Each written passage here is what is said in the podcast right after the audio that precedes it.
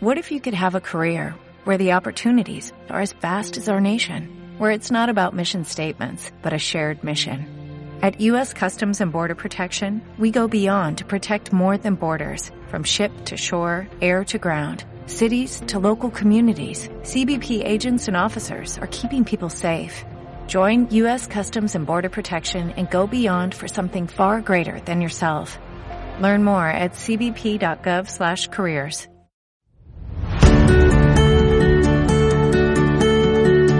Avui hem continuat rebent aportacions a Ràdio Nova de dones a les quals hem demanat el seu parer sobre la commemoració d'aquest 8M. Tot i que, com afirma l'alcaldessa vilanovina Noemi Trucharte, seria una bona notícia no haver de celebrar aquesta jornada, encara avui és necessària. L'alcaldessa recorda la bretxa salarial que encara separa homes i dones i que la igualtat real i plena encara no està solidària. El que significa per mi el dia 8 de març és un dia reivindicatiu per assolir la igualtat plena entre homes i, i dones. Una igualtat no només en el dia a dia, sinó una igualtat salarial.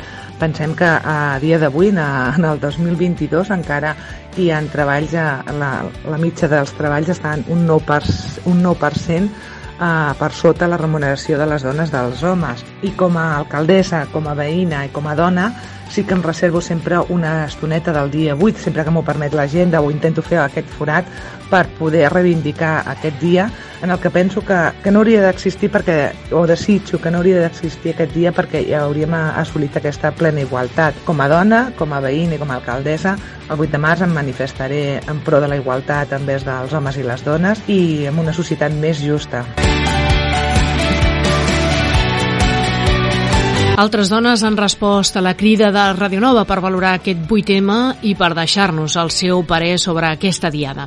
Des de la Unió Cultural Extremenya, noia Enriqueta Borrega tenia un record per les dones que ens han precedit, dones invisibles en les esferes públiques, dones que potser no van tenir accés a l'educació i no sabien el que era l'emancipació, dones imprescindibles en l'esfera privada i que van viure amb moltes limitacions i enmig de la duresa.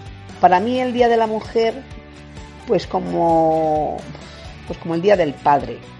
Tendría que ser todos los días, ¿no? La mujer estamos ahí los 365 días del año. Sí que es verdad que tenemos que, que, tener un día y lo celebramos el día 8 de marzo, pero para mí ya te repito que, que la mujer debe ser todos los días del año porque... Y la mujer hoy, eh, yo pienso que, que la mujer hoy estamos más libres, más emancipadas, más pero yo pienso en, la mujer, en mi madre. Eh, estos días siempre pienso en mi madre, ¿no?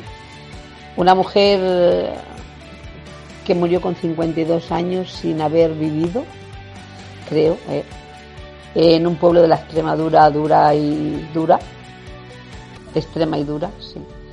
Y que, bueno, que era mujer por ser mujer, ¿no? Yo creo que era, pues bueno, dejándose llevar, ¿no? Por él, dejándose llevar por los padres, dejándose llevar por los maridos, incluso por los hijos, porque, pues claro, eh, eh, la educación que recibimos tampoco, ella pobreta tampoco no tenía la educación para, para enseñarnos también a...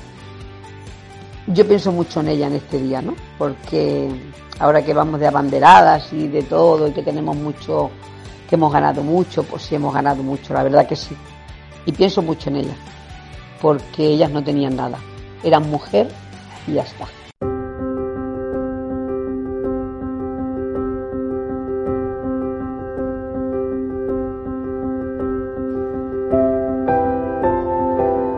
Des del CAP de Vilanova del Camí, la directora Maria José García afirma que el 8M no és un dia per celebrar, no és un dia lúdic, sinó una jornada per continuar recordant que la lluita per la igualtat és necessària i que les desigualtats continuen molt presents en la nostra societat. El 8 de març és el Dia Internacional de la Dona. És el dia de la lluita per la igualtat. Ja m'agradaria a mi que fos una jornada lúdica en què recordessin temps passats, en què eh, ja no existissin eh, desigualtats, però eh, les desigualtats hi són presents, tots ho sabem, hi són presents a la feina, hi són presents a les tasques familiars, hi són presents a, a l'entorn que ens envolta en el dia a dia però que ningú oblidi que eh, els pilars importants de la societat, com són la sanitat, l'educació, la cura dels fills, la cura de les persones, eh, les dones estem representades en més del 80%. Per tant, només dir que visca les dones.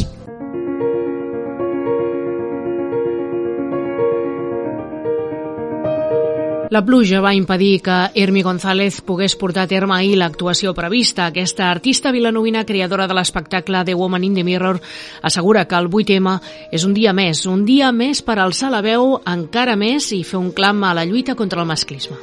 Doncs el 8M per mi és un dia més. És un dia més per reivindicar-nos, per fer-nos veure, per alçar la veu encara més i per fer una crida, un reclam a, al feminisme, a la lluita contra el masclisme i a fer-nos molt més fortes per continuar avançant i aconseguint els drets que ens mereixem totes les dones. Recordem que l'espectacle musical The Woman in the Mirror torna aquest cap de setmana a Camp Papaseit en el marc del 8M. La reposició de l'espectacle suposa una doble oportunitat, donar la visibilitat a les dones artistes i promocionar el show per aconseguir noves actuacions. Les entrades es poden comprar a l'Escola Artística, a la botiga Picasso Telecom i també es poden fer reserves a Instagram o a WhatsApp. L'espectacle musical apte per a tota la família s'oferirà en doble sessió aquest cap de setmana, dissabte, dia 12 a dos quarts de nou del vespre i l'endemà diumenge una mica abans, a les 7 de la tarda.